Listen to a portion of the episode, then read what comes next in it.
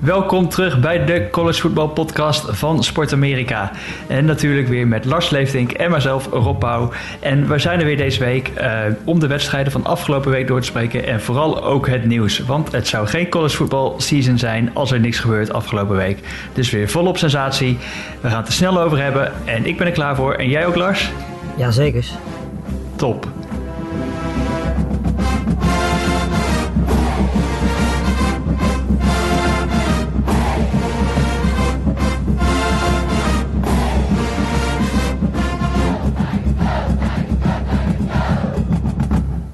Yes, want voordat we de, misschien de wedstrijden van afgelopen weekend erbij gaan pakken en natuurlijk ook weer vooruit gaan kijken eh, naar het volgende week en de ranking stands, standings en de Heisman bespreken. Ik wil graag beginnen met het nieuws van de week, tenminste wat mij betreft het nieuws van de week. Ed Ogeron aan het einde van het seizoen weg bij LSU, twee jaar nadat hij daar een national title won. Ja, nou, volgens mij hebben we het er afgelopen, wat is het, drie, vier weken al wel elke keer over gehad. Dat het, uh, dat het wel een beetje heet onder zijn voeten begon te worden. En uh, ja, toen heb ik ook gezegd van weet je, natuurlijk uh, de prestaties zijn dit jaar en ook vorig jaar niet fantastisch geweest. Um, maar er zaten ook spelers die uh, blessures bij van hele belangrijke spelers. dat plus het, het, het, schema, ja, dat heeft niet echt meegeholpen. En ja, het is duidelijk dat, dat het bestuurder in ieder geval niet zo overdenkt bij, bij LSU. Want die hebben hem misschien ook wel terecht. En misschien is het ook wel gewoon tijd, want hij zit daar natuurlijk al een tijdje uh, ja, de laan uitgestuurd. Na dit jaar gaat hij dus vertrekken. En uh, volgens mij, eh, ja, financieel gezien hoeft hij zich niet zo heel erg druk te maken. Nee, financieel gezien, de buy-out is 17 miljoen die hij aan het eind van het seizoen nog gewoon meekrijgt. Ja. maar vooral, het was op, voor degenen die een abonnement hebben op The Athletic, stond een heel goed artikel over in, over zeg maar de val van Ogeron. Hoe het eigenlijk kan dat hij twee jaar na die national title nu eigenlijk, ja, ik zou bijna zeggen, een soort van persona non grata is misschien een beetje overdreven, maar gewoon niet echt meer past nu bij LSU. Um, dat is vooral gedoe buiten het veld ook natuurlijk. Hè? Ja, gedoe buiten het veld, wat volgens mij vorige week in de podcast even, genoemd, zeg maar Black Lives Matters movement, wat daar een, misschien wel onderdeel van uitmaakte. Uh, en volgens mij hebben we het vorig jaar ook wel eens gezegd dat hij uh, opeens een jong, veel jongere vriendin had, et cetera. Nou, nu lijkt het dat Ogeron een beetje achter de vrouwtjes aan was nadat de roem een beetje naar zijn hoofd was gestegen. Um, dus allerlei dingen waardoor hij door met randzaken bezig was en niet meer zo geconcentreerd met de voetbal bezig was. Uh, hij lijkt de, de locker room een beetje verloren te hebben door uh, ja, gewoon zijn temp, hij gooide tantrums. Uh, stoelen werden door de kleedkamer gegooid en de spelers die waren er ook een beetje klaar mee. Dus ja. oftewel, het is eigenlijk echt een beetje een, een, verkeerde kant op gegaan na het winnen van die national title. Zelf zag hij, dit, zag hij dat denk ik allemaal pas een beetje te laat aankomen dat hij, dat hij aan het veranderen was, et cetera. Maar de mensen om hem heen die hadden er snel genoeg van. En ja, het is klaar. Ondanks dat er afgelopen ja. weekend opeens gewonnen werd van nummer 20 gerankte Florida. Ja, nee, ik denk dat weet je, de matige prestaties helpen er natuurlijk wel bij. Weet je, het is dan makkelijker om een, om, om een headcoach te ontslaan. Uh, maar ik denk dat het uiteindelijk toch voornamelijk altijd gedoe buiten het veld is geweest. Waardoor ze, waardoor ze nu uh, ja, na dit seizoen afscheid nemen. Dat vind ik trouwens wel heel opvallend. Dat ze hem dit hele seizoen nog, nog door laten gaan.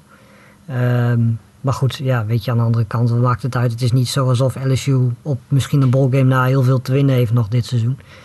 Um, en het zal waarschijnlijk ook financieel gezien dan beter zijn dat ze hem dit seizoen nog uit laten spelen en dat ze hem nu al ontslaan. Uh, daar zal vast wel een reden achter zitten. Uh, ja, maar misschien is ook iets van een soort van respect van... oké, okay, we hebben wel een national title met jou gewonnen... dus laten we in ieder geval het seizoen samen afmaken... zonder dat het lijkt alsof we hier nu per direct de laan uitsturen... dat daar iets achter zit. Ja, precies. Maar ik denk inderdaad voornamelijk dat het de dingen buiten het veld zijn. Ja, en daar komen dan de afgelopen jaren en dit jaar de matige prestaties bovenop... en dan is het uh, 1 en 1 is 2. En dan is natuurlijk snel de vraag: wie worden er allemaal wel niet genoemd om, uh, om Ed Ogeron te gaan vervangen?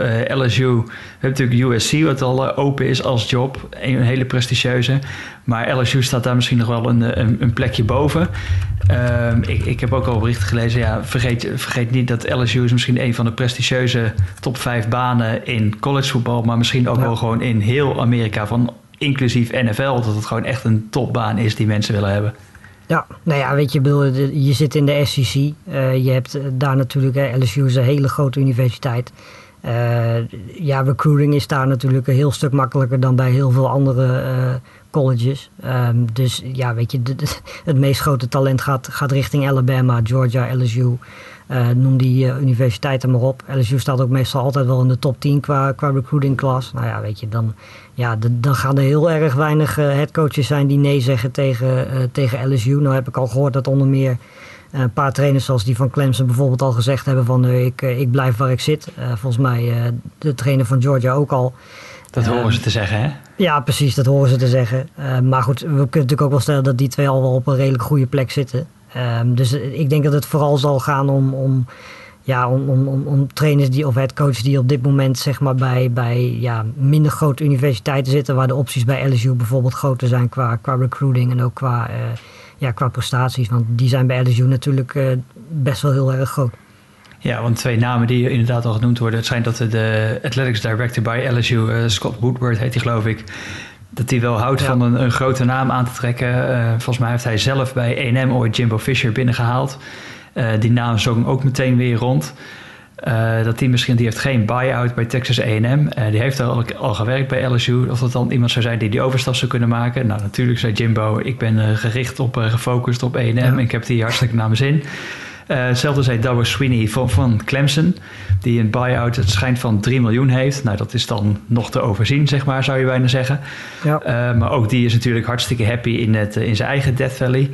Uh, maar andere namen die genoemd worden, Mel Tucker, Billy Napier, misschien wel Lane Kiffin, die met Ole Miss natuurlijk ja, de offensieve sensatie is in de college voetbal momenteel. Ja. En ook die naam heeft natuurlijk ook een Nick Saban discipel is. genoeg namen en ik denk dat het nog wel even kan duren, wellicht tot, tot we weten wie het gaat zijn. Er zijn natuurlijk allerlei, uh, zijn midden in het seizoen en er zijn andere prioriteiten misschien wel momenteel. Ja. Uh, maar aan de andere kant, ja, je wil natuurlijk ook richting je recruitment zo snel mogelijk laten weten wie gaat straks die headcoach zijn. En voor wie, uh, ja, naar wie ga, voor wie ga ik naar de universiteit toe, naar die grote universiteit LSU.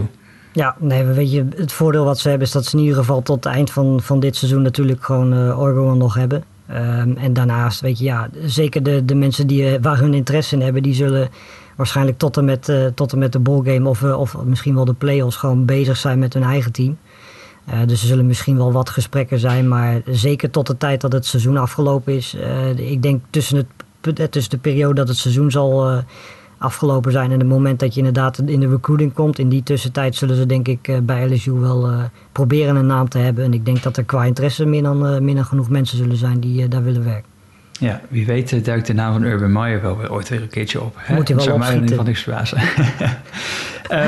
nog, meteen nog maar even het andere coaching nieuws er nog bij pakken van gisteren of eergisteren. Uh, Nick Rolovic en een groot deel van zijn staf die zijn weg bij Washington State. Ja. Waar de uh, ja, mandatory vaccination was voor employees. En uh, ja, Nick Rolovic die nam liever geen prikje. En nou, die draagt de consequenties daar nu van. En die is ja, ontheven uit zijn functie van Washington State coach. Dus ook daar kunnen ze op zoek naar een, naar een vervanger.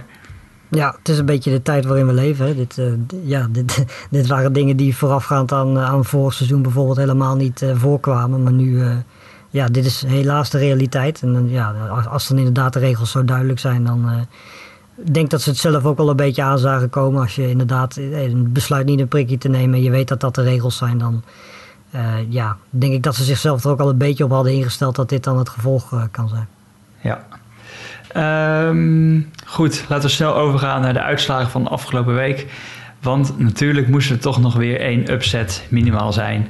En de grootste was misschien wel, nadat we vorige week misschien al best wel Iowa een beetje hadden opgehemeld. Hè, zijn, hebben ze dan echt kans om die Big Ten te winnen en misschien wel in de playoffs te komen. Um, ze hebben trouwens allebei die kansen zijn er nog, maar er werd ondertussen wel thuis verloren van Purdue. Ja, en het, we hebben het natuurlijk al wel een paar keer gezegd dat, dat Iowa natuurlijk vooral een team heeft dat gebouwd is om, om op voorsprong te staan vanwege hun, uh, vanwege hun run game en vanwege het feit dat ze zoveel turnovers uh, forceren. Uh, maar in deze wedstrijd stonden ze eigenlijk niet voor. eigenlijk vanaf het eerste kwart al niet. Um, en het tweede kwart gingen ze met 14-7 gingen ze de achterstand gingen ze de rust in. Um, en die achterstand werd eigenlijk alleen maar groter. En in de tweede helft moesten ze meer pasen. En dat, ja, dat ging helaas niet zo heel erg goed. Petrus gooide vier interceptions. Uh, waren we al een beetje bang voor natuurlijk. Op het moment dat, uh, dat Iowa moet pasen. Weet je, ze, ze, hebben gewoon niet echt de wapens in de receiving game. En al helemaal niet de quarterback uh, om heel erg veel te gaan pasen. Dat moesten ze afgelopen weekend wel doen tegen een Purdue-team dat, dat vooral verdedigend gezien heel erg goed speelde. Maar Iowa moest ook gewoon afgelopen weekend een spel spelen waar ze, ja, waar ze gewoon niet, niet heel erg goed in zijn, wat ze niet gewend zijn. En uh, ja, dan, dan is daar inderdaad, weet je, dit was het moment waar ik een beetje op zat te wachten om te kijken van oké, okay, kan Purdue dit, of kan Iowa dit ook? En het was duidelijk uh, afgelopen weekend dat ja, op het moment dat ze achter staan en ze moeten gaan pasen, dat het dan uh, een heel stuk lastiger wordt en dat dat gewoon niet hun uh, identiteit is. En ja, de kans is nu redelijk groot dat, dat de play-offs een heel erg lastig verhaal gaan worden, of misschien zelfs wel mogelijk gaan worden. Um, natuurlijk nou, als ze alles winnen, hè, dan, dan is er niet zoveel aan de hand, denk ik. Uh, ja, precies. Dan moeten ze inderdaad in de championship game ook winnen. Die gaan ze wel halen. Uh, want ja, weet je, de rest van die divisie is in principe niet sterk genoeg om Iowa nog in te halen. Um, maar ze zullen inderdaad wel die championship game van een Ohio State, een Michigan, een Penn State of Michigan State moeten winnen. Um, en zelfs dan heb ik nog wel een beetje mijn twijfels. Want ik denk dat, al, eh, dat een, een, Alabama en een, misschien ook wel Oklahoma State, als die gewoon doorgaan in de Big 12, dat die uh, misschien dan nog wel erboven eindigen. Dus ze, zitten, ze hebben zichzelf in ieder geval niet makkelijker gemaakt met die nederlaag afgelopen weekend. En eigenlijk zat jij natuurlijk een beetje op die nederlaag van Iowa te wachten, zodat jouw Cincinnati toch misschien een iets grotere kans heeft om in die playoffs te komen. Ja, ze staan uh, hele, over, de hele overtuigende overwinning op, uh, op UCF. Ja. En ze zijn inderdaad, ze hebben het nummer twee op de, bij de rankings overgenomen. Ja, nou ja, dit, kan, ik, ik, ik, moet zeggen, Lars, als het nog even zo doorgaat, als iedereen maar fouten blijft maken, dan moet ik er ook misschien bijna een, nou, een paar procent kans aan gaan geven. nou ja, weet, kijk, het ding is gewoon nog steeds, we moeten natuurlijk eerst nog de, de, de, de playoff rankings afwachten. Uh, want dat is natuurlijk het eerste moment dat je, dat je echt een beetje wat erover kan zeggen. Want de A-People en de, de, de playoff rankings zijn toch anders. Um, en ik denk dat op dit moment realistisch gezien dat, dat er in ieder geval twee teams voor hun staan. Dat ze dus derde staan. Ik denk dat Oklahoma vooral vanwege hun schema gewoon nog wel voor Cincinnati staat straks in de, in de rankings. Maar de, ja, het wordt bijvoorbeeld interessant om te zien of ze Alabama uh, voor of achter Cincinnati zetten. Um, en ja, het is natuurlijk ook vooral afwachten wat er in de Big Ten East gebeurt. Want daar heb je natuurlijk met Michigan, Michigan State, Penn State en Ohio State vier teams die nu achter Cincinnati staan. Maar die gaan natuurlijk uh, de komende drie, vier weken tegen elkaar spelen. Um, en elkaar of onschadelijk maken of ze gaan uh, ja, ongeslagen blijven. Nou, dan krijg je natuurlijk een situatie dat ook dat team waarschijnlijk vanwege hun schema boven Cincinnati komt. Ja, en dan, dan sta je al vierde en dan kun je, je kunt, ze kunnen zichzelf sowieso geen fout permitteren. Maar ja, het wordt nog steeds heel spannend en ze hebben naar mijn gevoel nog steeds wat extra hulp nodig om, om echt zeker te zijn van die, uh, van die play-offs. Ja, en benieuwd waar die extra hulp vandaan gaat komen. Misschien wel vanuit de kant van de Pac-12, want Oregon oogde niet erg sterk afgelopen weekend. Wist wel te winnen. Uh, maar in die Pac-12 lijkt misschien wel alsof Utah daar op dit moment wel het sterkste team is. Dus dat Oregon er ook niet zomaar met die titel uh, aan, nee. de, aan de haal gaat. Um, paar opvallende dingen nog. We wisten, we hebben natuurlijk uitgebreid gehad over uh, Spencer Rattler en Caleb Williams afgelopen week. En ja, het zat natuurlijk eigenlijk al aan te komen. Caleb Williams was de starter bij, uh, bij de Sooners. En ja, uh, geen enkele twijfel mogelijk. Die, die zien we zien Spencer Rattler denk ik niet meer terug dit seizoen. Caleb Williams nee. was zeer dominant. 52-31 overwinning over TCU. Ja, nee, dat was. Uh, ik was wel heel benieuwd wat, hè, hoe die nu die voor het eerst zou starten, hoe die dat zou doen. Nou ja, goed. Williams ging 1823, 295 yards, 4 touchdowns. Uh, Rust ook nog voor 66 yards en een TD. Het is een beetje, ja, weet je, hij is een beetje de moderne quarterback. Hij heeft een fantastische arm. Heel mobiel en hij is ook nog eens lang. Dus ja, weet je, hij heeft eigenlijk alles wat een moderne quarterback moet hebben.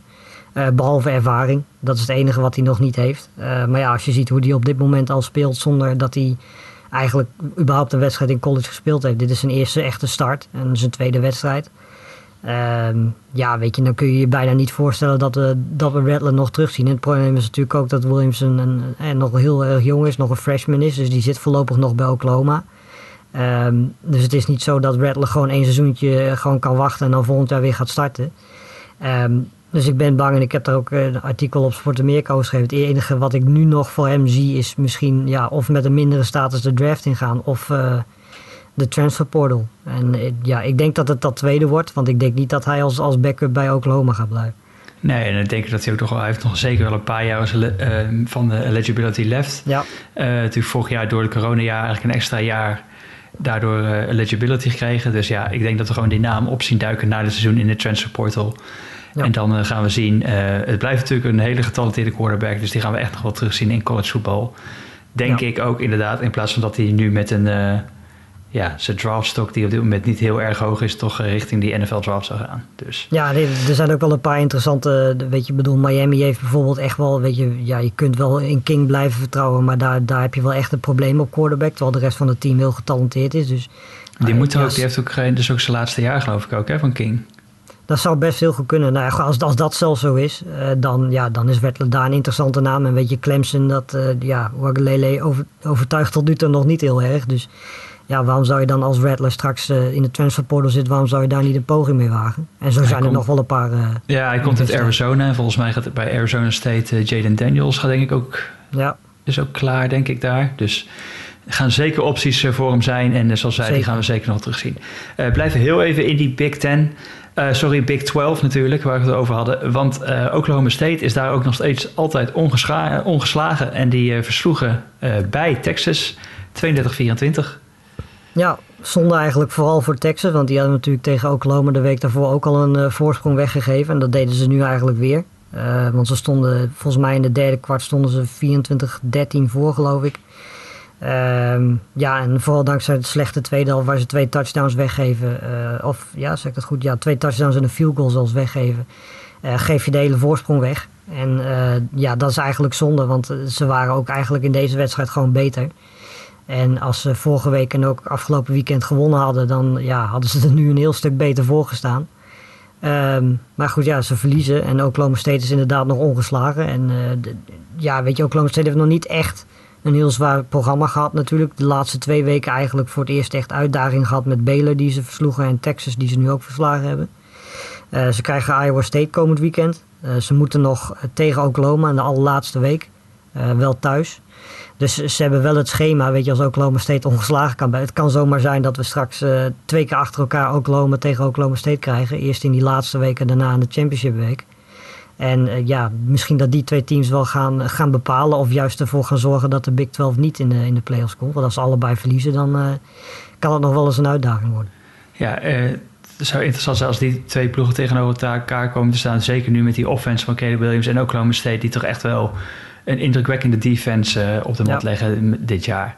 Ja. Uh, terwijl eigenlijk daar de, de, de, quarterback Spencer Sanders misschien niet echt is wat we dachten dat hij misschien zou zijn. Of wat we twee jaar geleden toen hij een beetje opkwam, dat we dachten van nou, dit gaat nog wat worden voor Oklahoma State. Ja, nee, hij heeft niet per se die, die, die stap gezet. Die stap werd eigenlijk vorig jaar al een beetje verwacht. Maar dit jaar hadden ze eigenlijk nog wel wat hogere verwachtingen. En ik op zich persoonlijk ook wel. Ehm, het is niet zo dat hij dramatisch is geweest dit jaar, maar het is zeker niet, uh, niet zo dat hij nu in één keer een top 10, top 15 quarterback is op dit moment in college. En die stap hadden we misschien toch wel een beetje van hem verwacht. Um, maar goed, ondanks dat hij tot nu toe niet op zijn best speelt uh, en ze niet heel erg veel punten scoren, ja, helpt die defense in ieder geval goed genoeg om ze door overwinningen heen te loodsen. En ja, dat gaat tegen Oklahoma wel beter moeten. Want weet je, ik bedoel, je kunt Oklahoma's offense wel een beetje stoppen. Maar uh, ja, met, met, met, met 20, 25 punten scoren ga je dan alsnog de Oklahoma niet verslaan. Dus je moet echt wel daar een, een goede quarterback prestatie van een Sanders hebben om daar, uh, om daar een kans te maken, denk ik. Ja, inderdaad, die 20, 25 punten zijn niet meer genoeg. Nu Caleb Williams, King Caleb ja. moeten we misschien maar noemen bij, bij de Sooners, uh, aan het roer staat op die quarterback-positie. waar er iets minder defense gespeeld is, afgelopen seizoen, afgelopen wedstrijden en ook afgelopen weekend, Tennessee, Ole Miss.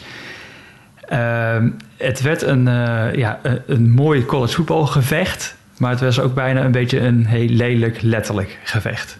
Ja, het was uh, volgens mij aan het einde van de wedstrijd, 4 en 25 was het volgens mij of zoiets voor, voor Tennessee. En die bal, die, ja, voor mijn gevoel was die gewoon, was die gewoon short. Volgens mij was die, kwam die net, net voor de lijn die, die ze moest halen voor first down, kwam die, kwam die neer. En daar waren de, de fans van Tennessee het volgens mij niet zo heel erg mee eens. en die begonnen, nou ja, een beetje alla wat we wel heel vaak in het voetbal met bier zien bijvoorbeeld, begonnen ze allerlei dingen te gooien. Ik zag zelfs een, een, een fles met mosterd. Ik heb geen idee wie er in godsnaam een fles mosterd meeneemt naar een college voetbalwedstrijd. Maar goed, ja, die van de tailgate nog overgebleven, van de ja, denk ik. Ja, ja, goed. Ja, het was, was bizar. Ik heb het, weet je, we hebben het heel vaak in andere sporten wel gezien. Ehm, maar ja, in, college voetbal heb ik het in principe niet zo heel vaak gezien op deze manier. Er moesten zelfs uh, de, ja, de cheerleaders en de band die moest zelfs uh, geëvacueerd worden, geloof ik. En uh, de, de bank wou eigenlijk ook niet meer op de bank zitten, omdat ze dat niet veilig vonden. Um, ja, dat was, was wel iets bizars. En uiteindelijk de, ja, wint Mississippi State dan 31-26. Het mooiste vond ik altijd Lane Kiffin. Die heeft altijd fantastische interviews aan het eind. Uh, maar volgens mij ving hij ook nog een, uh, een waterflesje toen hij, uh, toen hij het stadion verliet. Ja. Nou ja, uiteindelijk ving hij hem niet, maar hij was wel dichtbij. maar het, is wel altijd, het lijkt wel altijd net alsof het altijd bij Lane Kiffin is dat er, dat er iets gebeurt. Dat hij dan altijd aanwezig is. Dat vind ik altijd wel heel opvallend. Ja, er was ook een vraag van Martijn Schuil. Die stuurde onze vragen binnen via Twitter. Wat vonden jullie van de trashing bij Tennessee Ole Miss? Lane Kiffin speelde een soort anti-voetbal en werd daardoor vol onder vuur genomen door het aanwezige publiek. Ja, er ging het ook wel dat die Ole Miss misschien wel erg veel vaak geblesseerde spelers zogenaamd had. En dan toch weer terugkwamen ja. in het veld, et cetera. Het, het, was bijna een soort van tijdrekken. Terwijl het natuurlijk niet echt uh, uh, ja, tijdrekken is in, in college voetbal. Maar ja, persoonlijk, het is, het is gewoon heel jammer om te zien dat zoiets overstaat op het college voetbal. Wat jij al zei, kijk, op het moment dat de cheerleaders en de band zelfs niet meer veilig is, jongens, dan, ja. uh, dan is het de college voetbal toch ver te, ver te zoeken. En dat vind ik uh, vond erg jammer om te zien. Er zijn natuurlijk hele gepassioneerde fans daar in de SEC en daar in Tennessee. En die willen allemaal dat het beter gaat dit jaar. En ze was misschien net iets, nou, best een redelijk seizoen bezig onder George Heupel, nieuwe coach. Maar dat ja. dit dan de reactie van het publiek is, ik denk dat het door iedereen uh, wordt afgekeurd en ook uh, misschien nog wel een paar gevolgen gaat hebben, dat weet ik niet. Ja, nee, we, we, we zagen, het viel mij ook al op tegen, tegen Arkansas dat Ole Miss dat ook al deed. Zogenaamd geblesseerd neervallen, zodat, uh, zodat bijvoorbeeld de tijd stopte of zodat uh, in ieder geval er wat overleg kon plaatsvinden, ook aan de zijkant. Uh, weet je, het is in principe wat dat betreft geen tijdrekken zoals we dat in, in het voetbal zien. Uh, maar goed, het helpt natuurlijk wel om zonder time-out je, je, je, organisatie beter neer te zetten. En toch ook eventjes een, een, een ja, een, een time-out te hebben zonder dat je daar daadwerkelijk een time-out voor nodig hebt. Uh, ik denk dat dat niet iets is wat wij in, in college voetbal nodig hebben. Want het tempo ligt zeker in college al niet zo heel erg hoog. Uh, het ligt al heel vaak stil. Uh, en als we dan dit soort dingen ook nog krijgen, dan gaat het tempo zeker in, in het einde van de wedstrijd er natuurlijk niet op vooruit. Ja, de Ole Miss Rebels deden daarmee hun uh, naam een beetje eer aan, ja. helaas deze keer. Uh, goed, nog even snel door wat andere wedstrijden heen. Want nummer 1, Georgia, die won natuurlijk gewoon weer makkelijk van Kentucky. Zouden we bijna vergeten, die uh, ranked matchup. Zonder JT Daniels nog steeds. Zonder JT Daniels, maar de mailman Stetson Bennett, de vierde is het geloof ik. Die, nou, ja. die deliverde weer gewoon. degelijke overwinning. Alabama toonde inderdaad Zo. aan dat ze, dat ze er toch nog best wel wat van kunnen. Uh, volgens mij had ik die ook vorige week. Hè? Mag ik even een winnen ja, badge vieren, zeker, Lars? Tuurlijk, absoluut. Het, het werd eindelijk weer eens een keertje tijd. En gelukkig, ik had Alabama min 16,5 en dat werd makkelijk uh, gecoverd. Uh, wat had jij ook alweer? Jij had? Oh, wacht, Texas. Die slaan we, die slaan we even over. Maar even verder uh, qua matchups. Er werden nog wel wat aantal ranked teams die allemaal ten onder gingen. Dat was de nummer 17 Arkansas, die verloor van Auburn. Nummer 18 Arizona State verloor bij Utah. En nummer 19 gerankte BYU verloor van Baylor. En natuurlijk het nummer 20 uh, gerankte Florida verloor bij LSU, wat we al, waar we het al over hadden. Ja. Uh, Auburn is toch best redelijk bezig, hè Lars? Bo Nix, de ja, wederopstanding. Dat, ja, nou ja, wat natuurlijk, uh, weet je, ik bedoel, Auburn heeft natuurlijk altijd wel genoeg talent om in, in de top 25 te staan. Maar het is, het is natuurlijk eigenlijk vooral altijd uh, Bo Nix die er ja, toch voor zorgt dat het misschien uh, zo af en toe niet zo goed gaat als dat, dat je verwacht. En het is natuurlijk, weet je, we hebben fantastische running games, we hebben een hele getalenteerde defense. maar die passing game, ja, die is nogal wisselvallig. En dat komt deels door Bo Nix. En ja, afgelopen weekend was die weer prima. En nu staan ze weer in de top 25. Uh, en het kan zomaar weer zijn dat dat komend weekend alweer, uh, ja, misschien wel weer buiten de top 25 is. Want zo'n seizoen is het voor Auburn eigenlijk wel een beetje. Ja, 5 om 2 nu 19 gerankt. En als we dan even kijken naar de top van die rankings. Georgia bovenaan, zoals we al zeiden, Cincinnati nu op 2, Oklahoma 3, Alabama 4.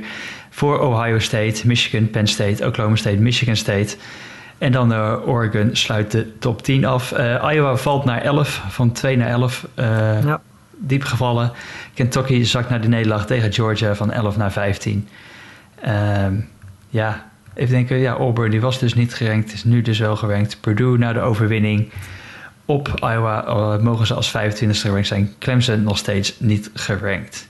UTSA voor het eerst erin. 24. UTSA 7-0 record. Ja, zeker. Ja, en Pittsburgh staat er ook in, ook wel terecht. Er staat er ook al een tijdje aan te komen. Want zeker die, die quarterback van hun Pickett, die speelt uh, echt een fantastisch seizoen. Ja. Dus uh, ja, het zat er wel een tijdje aan te komen dat Pittsburgh die, die rank status zou krijgen. En uh, ze mogen de komend weekend tegen Clemson meteen gaan, uh, tegen gaan bewijzen. Ja. ja, ik ben, je noemt Kenny Pickett. Zijn naam wordt af en toe wel eens genoemd als outsider op dit moment voor de Heisman Race. Ja. Ik, er is gewoon op dit moment geen duidelijke frontrunner. Iemand die er echt bovenuit steekt. Waarvan iedereen denkt van dit wordt de Heisman kandidaat. Nee, is het heel gek om te zeggen dat maakt Caleb Williams nog kans? Ook al speelt hij misschien maar een half seizoen. Ehm nou ja, pff, jezus. Uh, op zich, ja, weet je, qua prestaties wel. Maar ik weet niet, weet jij hoeveel wedstrijden gaat hij spelen? Zes? Misschien zeven, als de, ja, als de play-offs ver komen. denk ik. Ja, weet je, ik weet niet of dat, weet je, het ding is, Young en, en, en Corral spelen natuurlijk ook gewoon wel een heel goed seizoen. En uh, datzelfde geldt voor CJ Stroud. En die gaan waarschijnlijk twee keer zoveel wedstrijden spelen. Um, dus ja, ik kan me eigenlijk, weet je, dan moet Caleb Williams echt, echt, het niveau wat hij nu haalt, moet hij eigenlijk zeven wedstrijden doortrekken. En dat zie ik eigenlijk niet gebeuren. Deels ook omdat hij een freshman is, dus er gaan momenten zijn dat hij mindere wedstrijd heeft. Um, ja, als hij een heel seizoen dit had laten zien, had hij wel met stijf bovenaan gestaan natuurlijk. Maar ja, ik denk dat als hij zes, zeven wedstrijden minder gespeeld heeft, dat, uh, dat het dan een lastig verhaal wordt. Ondanks dat hij qua prestaties het misschien verdient. Oké, dus op die bettingmarkt laat ik de kwartering van 51, die laat ik dan maar even links liggen voor Caleb Williams. Ja. Oké, gaan we dat doen. Ik hoef daar ook niet meer uh, naar te kijken. Um, gaan we uitkijken naar, het, naar de week die eraan komt, week 8? Ja, geen rank matchups. Geen rank matchups. Uh, wat springt er voor jou uit wel als matchup? Uh, de, de, twee eigenlijk. Clemson-Pittsburgh om half tien. En um, toch eigenlijk vooral Oregon-UCLA. Um, ook om half tien op ESPN. Dus dat is, uh, dat is sowieso al mooi. Um, ja, weet je, UCLA hebben we natuurlijk in het begin van het seizoen uh, ranked gezien. Natuurlijk fantastische offense uh, bij UCLA. Maar de laatste paar wedstrijden is er een beetje de, de klad ingekomen. Verloren van, van Fresno State en Arizona State natuurlijk al een paar weken geleden. Nou ja, goed, ze hebben tegen Arizona gespeeld twee weken geleden. Arizona is een hele matige ploeg. En Washington is ook niet echt het, wat, we, wat we van ze verwacht hadden. Dus die hebben afgelopen weekend ook gewonnen. Ja, en nu krijgen ze, als UCLA zijn, krijgen ze dus Oregon en, en Utah. Uh, dat worden ja, wel twee wedstrijden waar ze zich net zoals tegen Fresno State en Arizona State opnieuw mogen laten zien. Um, en ik ben benieuwd, want ik, ik denk dat, dat Oregon, weet je, ze hebben heel veel blessures. Uh, Thibodeau is er natuurlijk wel, die is bezig aan een fantastisch seizoen, zelfs met die blessure die hij had. Um, ja, die mocht even Oregon, een helftje meedoen, hè, afgelopen... Precies. Om even ja, orde op die, zaken te stellen. Precies, en die zetten meteen bizarre statistieken neer. Dus dat, uh, ja, weet je, dit wordt heel interessant. Ik denk dat Oregon's kracht is, is defense en UCLA's kracht is offense. Dus dat, ja, wat dat betreft wordt het aan die kant van de bal normaal gesproken wel beslist. Um, UCLA favoriet uh, ja. in deze matchup.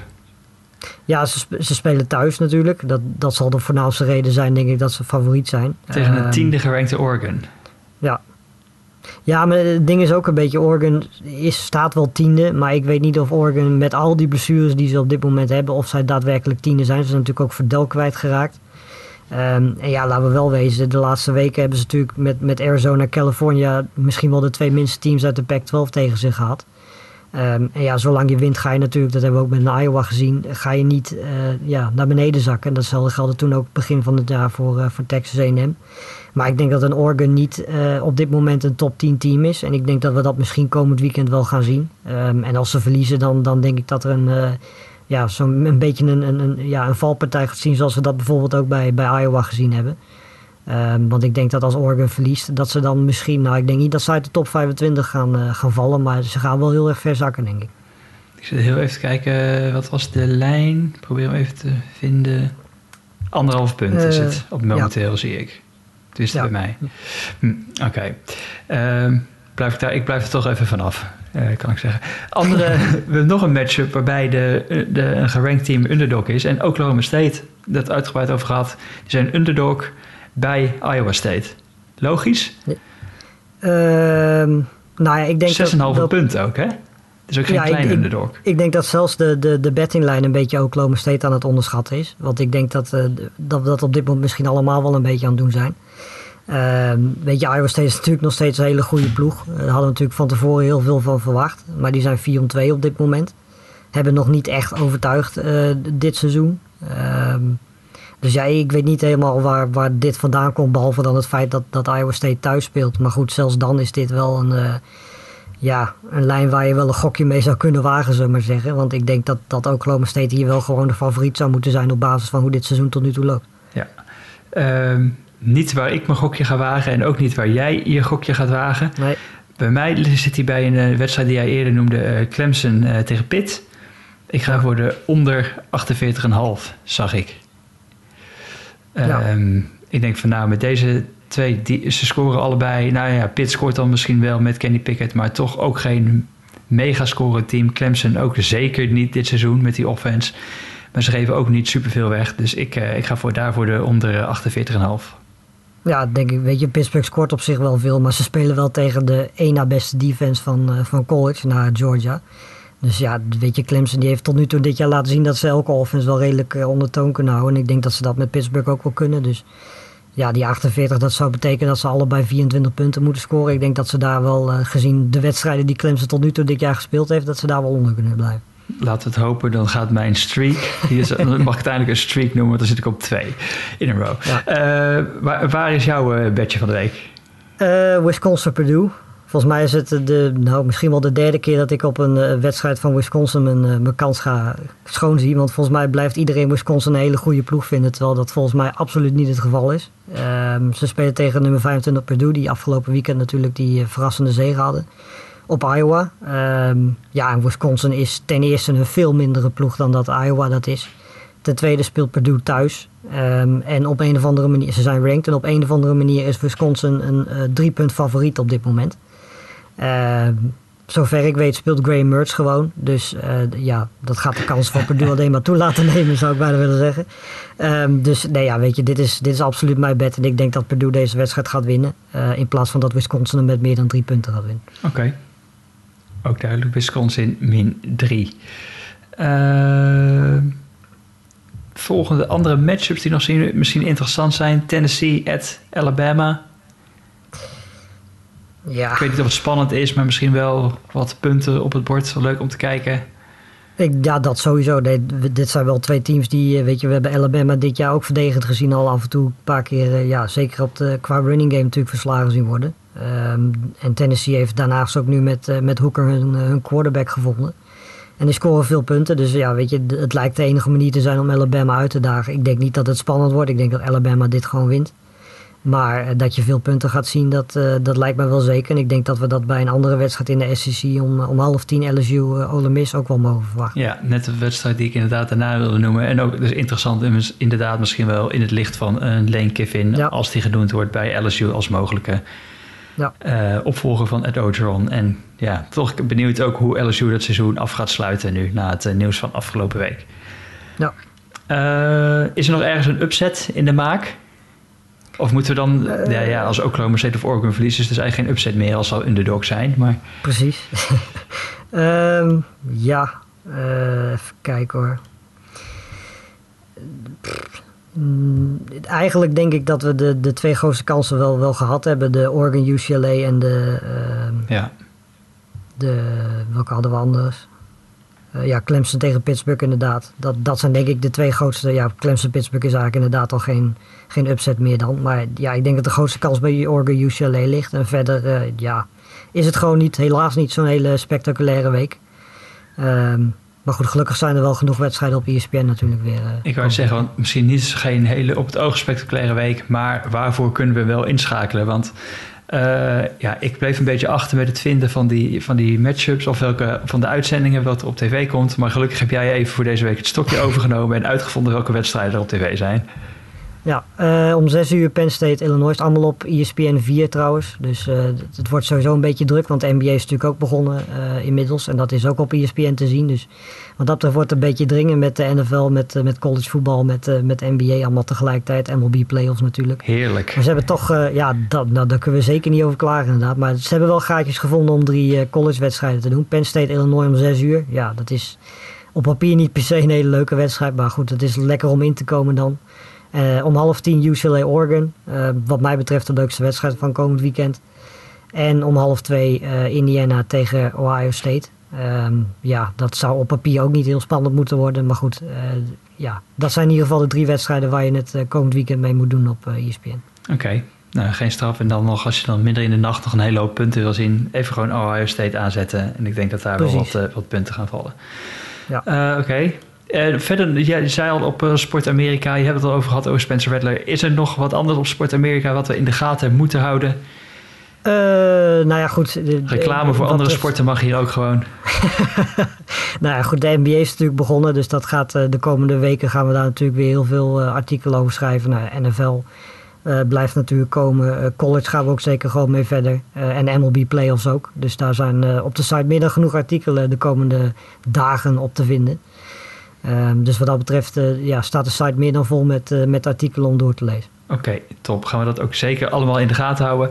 en ik wil ook nog even kort week 9, want weet je, bedoel, we hebben natuurlijk dit weekend niet zo heel veel spektakel, maar week 9, volgend weekend dus in, in college ja, staat er wel een paar hele leuke wedstrijden op programma.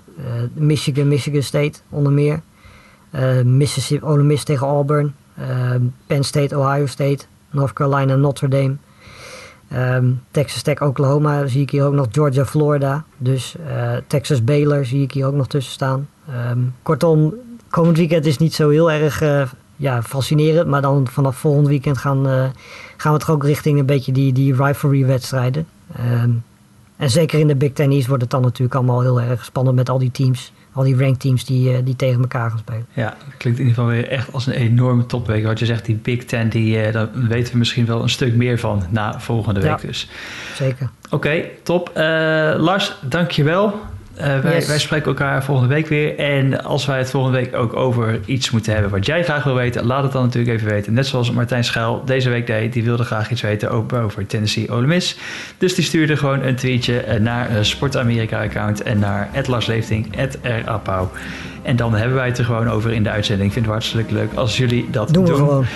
Um, maar vooral eerst inschakelen komend weekend om 6 uur te beginnen met Penn State, uh, Illinois en dan UCLA, Oregon en Indiana, Ohio Lars, bedankt. Wij spreken elkaar volgende week en veel kijkplezier.